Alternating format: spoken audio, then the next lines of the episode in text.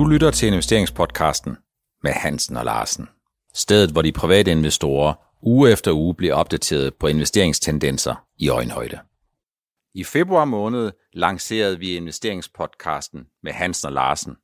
Og her ultimo 2020 har vi nået 45 investeringssamtaler.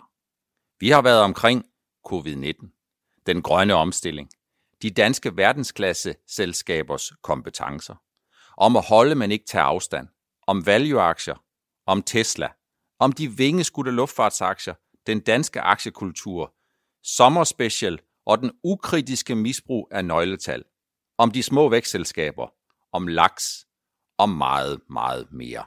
I det første afsnit talte vi om de danske aktier med den høje prisfastsættelse, men også om selskaber med verdensklasse kompetencer, som bliver benchmarket af de globale investorer. Hvis jeg kigger de danske aktier over de sidste 10, 15, 20 år, jamen så er det et stykke hen ad vejen, så er det business as usual. De danske selskaber er relativt højt prissat, eller meget højt prissat, men de danske selskaber, de leverer i hovedsagen også nogle rigtig, rigtig fremragende regnskaber. De har en meget høj afkast af investeret kapital. De har en meget høj egenkapitalforrentning. Så jeg tror, der er rigtig mange investorer, som bliver ved med at klø sig lidt i investeringshåret og bliver en lille smule forbavset over, at hvis man for eksempel kigger mod den store nabo mod syd i Tyskland, jamen så er prissætningen på de tyske aktier, mål som DAX i forhold til OMX C25, jamen den er en helt anden. Og der er mit, øh, mit bud og mit råd, det er, at investorerne de skal passe på med, at de ikke sammenligner æbler med bananer. Og det er jo simpelthen fordi, det er helt forskellige selskaber. Øh, Novo Nordisk har ikke særlig meget med Daimler at gøre, selvom Novo Nordisk godt kan være en kronjuvel inden for sundhedsindustrien. Så det er rigtig vigtigt, at man holder sig for øje og sammenligner ting, som kan sammenlignes. Danske selskaber, de gør det fremragende. Øh, prisfastsættelsen er høj, men øh, der er en lang række investorer, de hjemsøger altså de her øh, danske selskaber, fordi de er altså verdensklasse kompetencer i deres nischer. I det tredje afsnit gjorde covid-19 allerede et betydeligt negativt indtryk.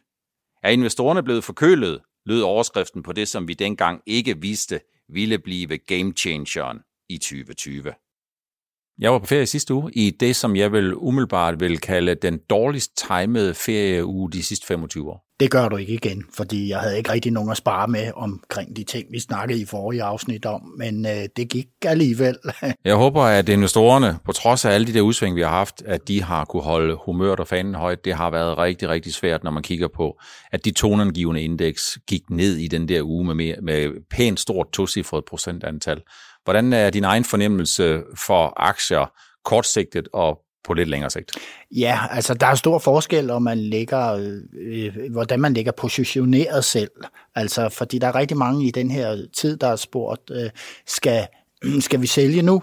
Mm. Eller skal vi købe nu på det her fald, der har været?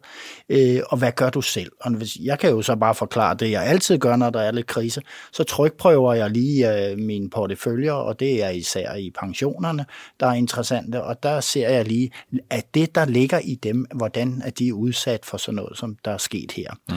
Og det er jo lidt usædvanligt, eller lad os sige, vi har jo haft epidemier før, ja. der påvirker aktiemarkedet, men det her er, fordi man ikke kender nok til det, og udbredelsen har været forholdsvis stor, øh, så har det været noget ukendt, og det ukendte, det bliver man rigtig, rigtig bange for på de økonomiske markeder. Ja. Og det har faktisk været det, der har drevet, altså det er angsten, der har drevet faldene primært. Jeg tror ikke så mange, der har spekuleret i at, at gå ud og, og, og at udnytte situationen. Ja, selvfølgelig er der det, men der har været en angst, der både har været hos de private investorer, men jeg har også fornemmet den hos en del af de lidt større investorer på markedet, at de har været nervøse for det her.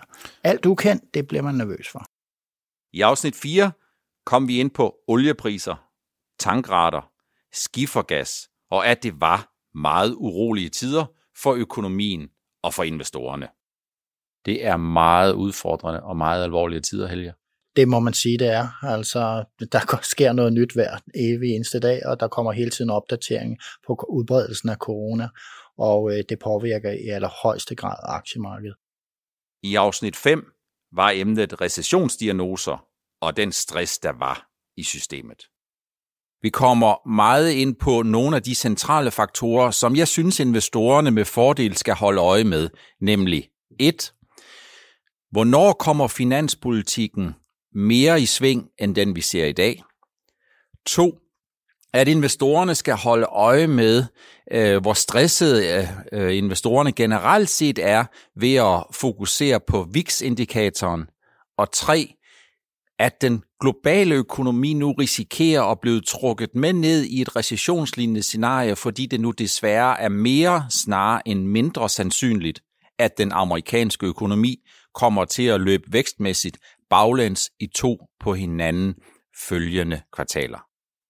I afsnit 7 stod investorerne midt i et stormvejr og i orkanens øje, med et VIX-indeks, som tordnede op. Er nedturen kulmineret? spurgte vi. Og jeg vil starte med at spørge dig, Helge. Tror du, at nedturen enten er kulmineret eller er ved at kulminere? Øhm, ja, hvis man spørger ud i markederne, så er det ligesom om, at der er sådan en, en optimisme, for eksempel så vi i går med fine stigninger, og alle snakker om, jamen øh, aktiemarkedet, de er jo fremme i tiden, altså det som man, de har ligesom accepteret, at, øh, at coronaen, det kræver en masse dødsfald og en masse nedlukninger og recession og alt muligt andet, men på den anden side skal det alt sammen blive godt, og så priser man ligesom aktierne efter det, og så siger, at ja, men aktiemarkedet er altid foran, og det er en leading indicator.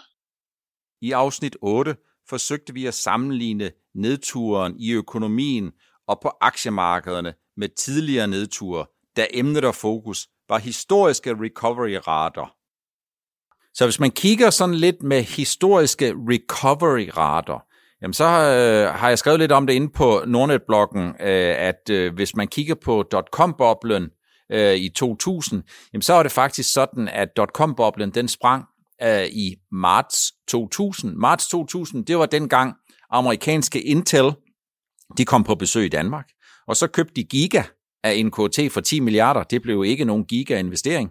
Øh, den kom de så til at lukke på et senere tidspunkt. Men det er for mig lige nøjagtigt omkring det tidspunkt, hvor øh, dot-com-boblen den sprang, øh, og var et billede på, øh, lige det, som du siger, Helge, at man købte nogle virksomheder, øh, små som store, med store vækstambitioner. Nogle af dem kan sagtens have været rigtig fornuftige virksomheder. De var bare prisfastsat, øh, som om at man allerede befandt sig på månen med yderligere øh, potentiale. Nogle af læreren fra dengang, jamen det var, at tre år efter dot-com-boblen den sprang, der havde man faktisk ikke fået nogen recovery, ikke nogen væsentlig recovery i uh, aktierne. Indimellem havde man haft noget 9-11. Man havde haft, at amerikanerne de øh, var på vej ind i Irak igen for anden gang, øh, som gjorde, at olieprisen spikede osv. osv. osv. Men basically, så kan man sige, Tre år efter øh, krisens epicentrum, jamen der var vi stadigvæk ikke kommet op øh, igen. Øh, vi var stadigvæk fuldstændig på det niveau indeksmæssigt, som vi var i marts øh, 2000. Øh, og, øh, og det viser altså, at når det er prisfastsættelsen, der sådan for alvor driver noget væk fra en langsigtet ligevægt, jamen så bliver de tømmermænd, man får, de bliver altså meget, meget store. I 11. afsnit stod vi lige midt i orkanens øje. Er du bekymret over, at aktionærerne øh, sædvanen tro, de er stukket afsted øh, med de gode budskaber på samme måde, som de er stak afsted med de negative forventninger, dengang vi i de første to til tre uger af marts måned så nogle kursfald på 30 procent? Ja, vi har snakket om det nogle gange. Altså, vi har en generel økonomi i verden, som ser forfærdelig ud, og det ser ud til, at vi får en noget langvarig recession oven på alt det her. Øh, men øh, der er jo eufori inden for aktieverdenen, mm. og det må vi jo så lære at leve med og acceptere, og det mm. gør vi jo glædeligt, når vi har investeret i aktier, men øh, det er ikke helt forståeligt. Der er sådan et øh, gammelt mundhæld, som jeg jo kan huske, som jo ikke er blevet sværere her under den her krise, og det er det amerikanske udtryk, der hedder Don't fight the Fed.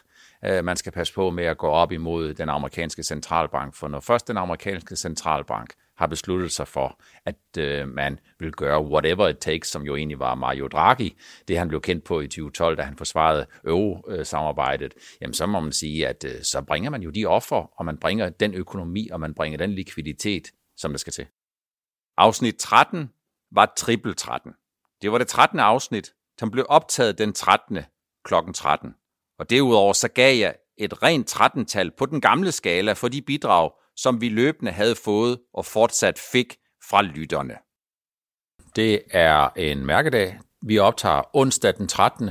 Det er 13. afsnit, og det er klokken 13. Helge, er det overtroisk? Ja, det, det er lige før jeg bliver det, for mange 13-taller med der, men uh, må ikke det går. Dengang jeg gik i skole, Helge, der var det sådan, at uh, 13 det var jo et rigtig godt tal, fordi det var det ypperste, man kunne nå på karakterskalaen.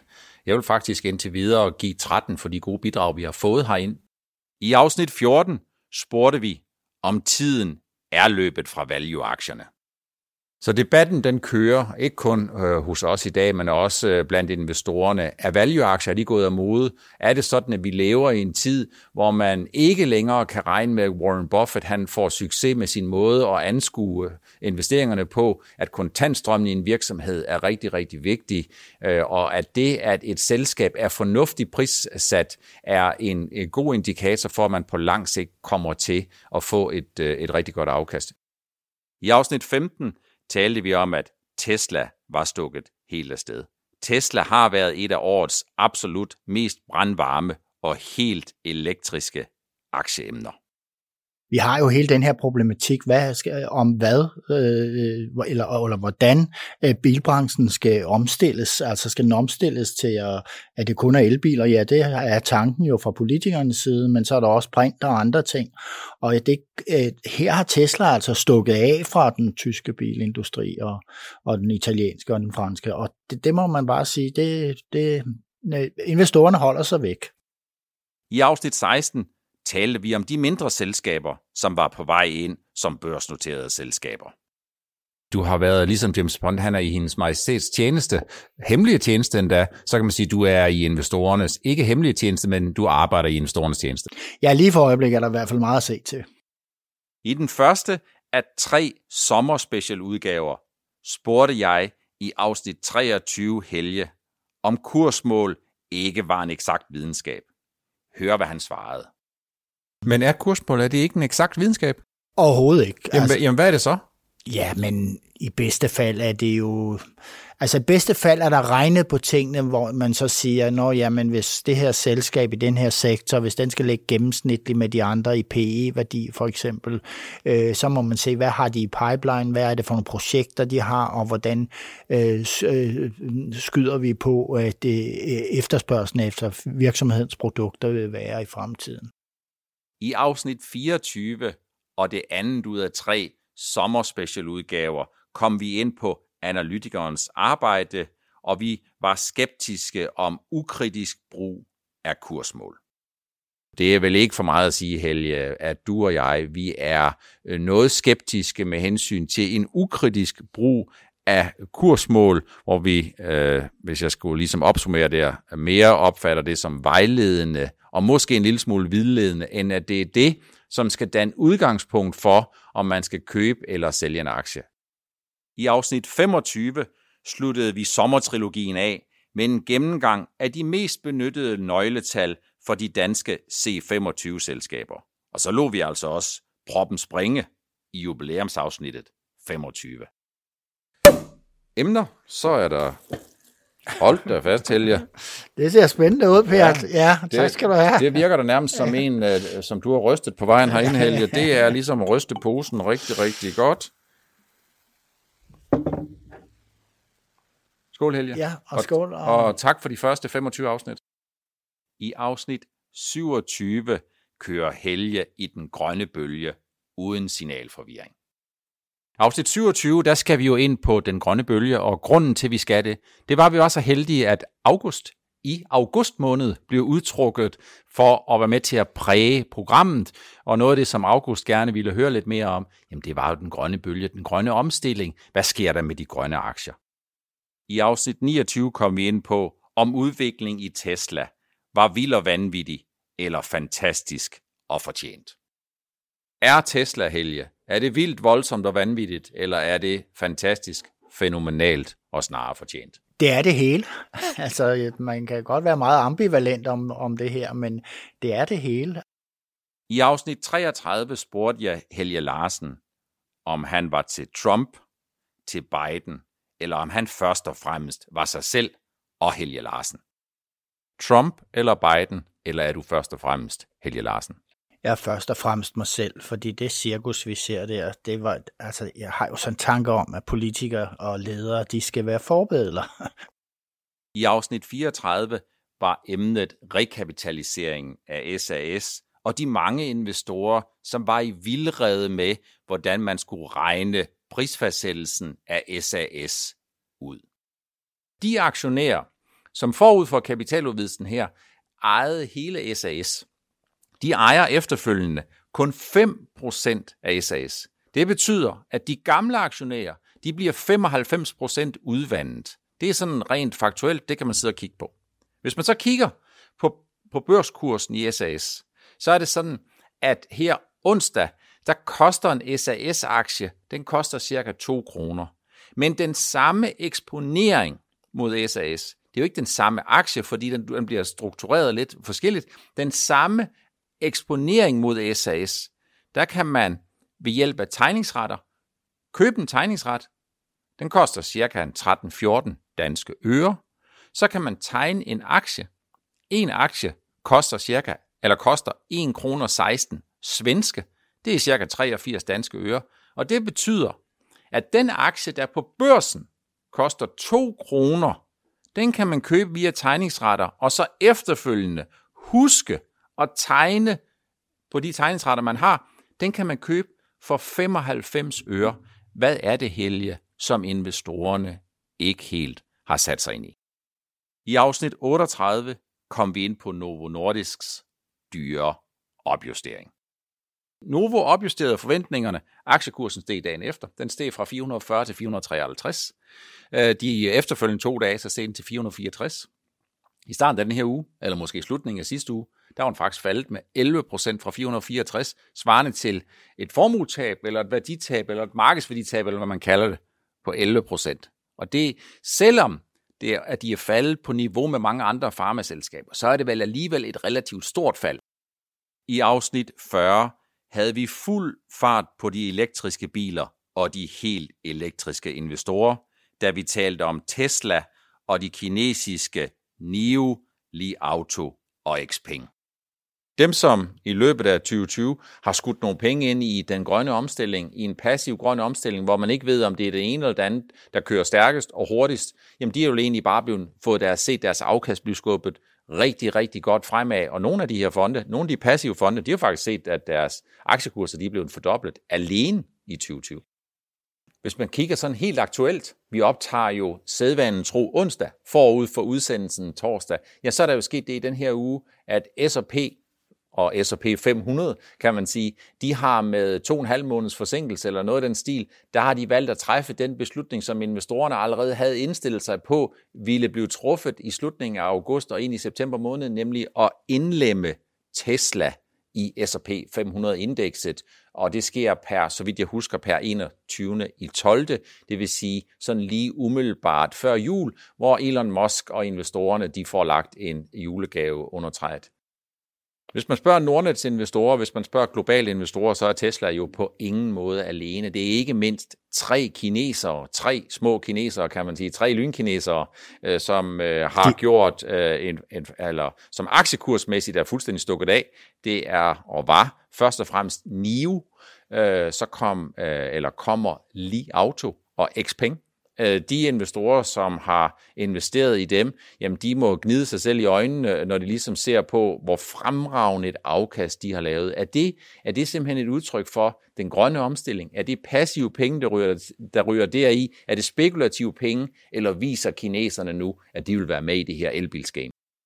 I afsnit 42 kiggede vi blandt andet på bitcoin-udviklingen, og jeg bemærkede lakonisk, det kunne have været rart at have taget godt imod et coin-offer. Man kan sige, at øh, hvis man havde været heldig eller forudsigende eller dygtig eller et eller andet at tage imod, undskyld mig udtryk, det som en restaurantkæde, øh, de kalder et coin-offer for nogle år siden, jamen så ville man jo stå med rigtig mange coins, eller de coins, man havde, de ville stå og repræsentere en, øh, en meget stor værdi. Det var 45 afsnit i investeringspodcasten med Hansen og Larsen. Tak fordi I lyttede med, og tak for de mange gode bidrag, som I undervejs har sendt ind til programmet. Godt nytår.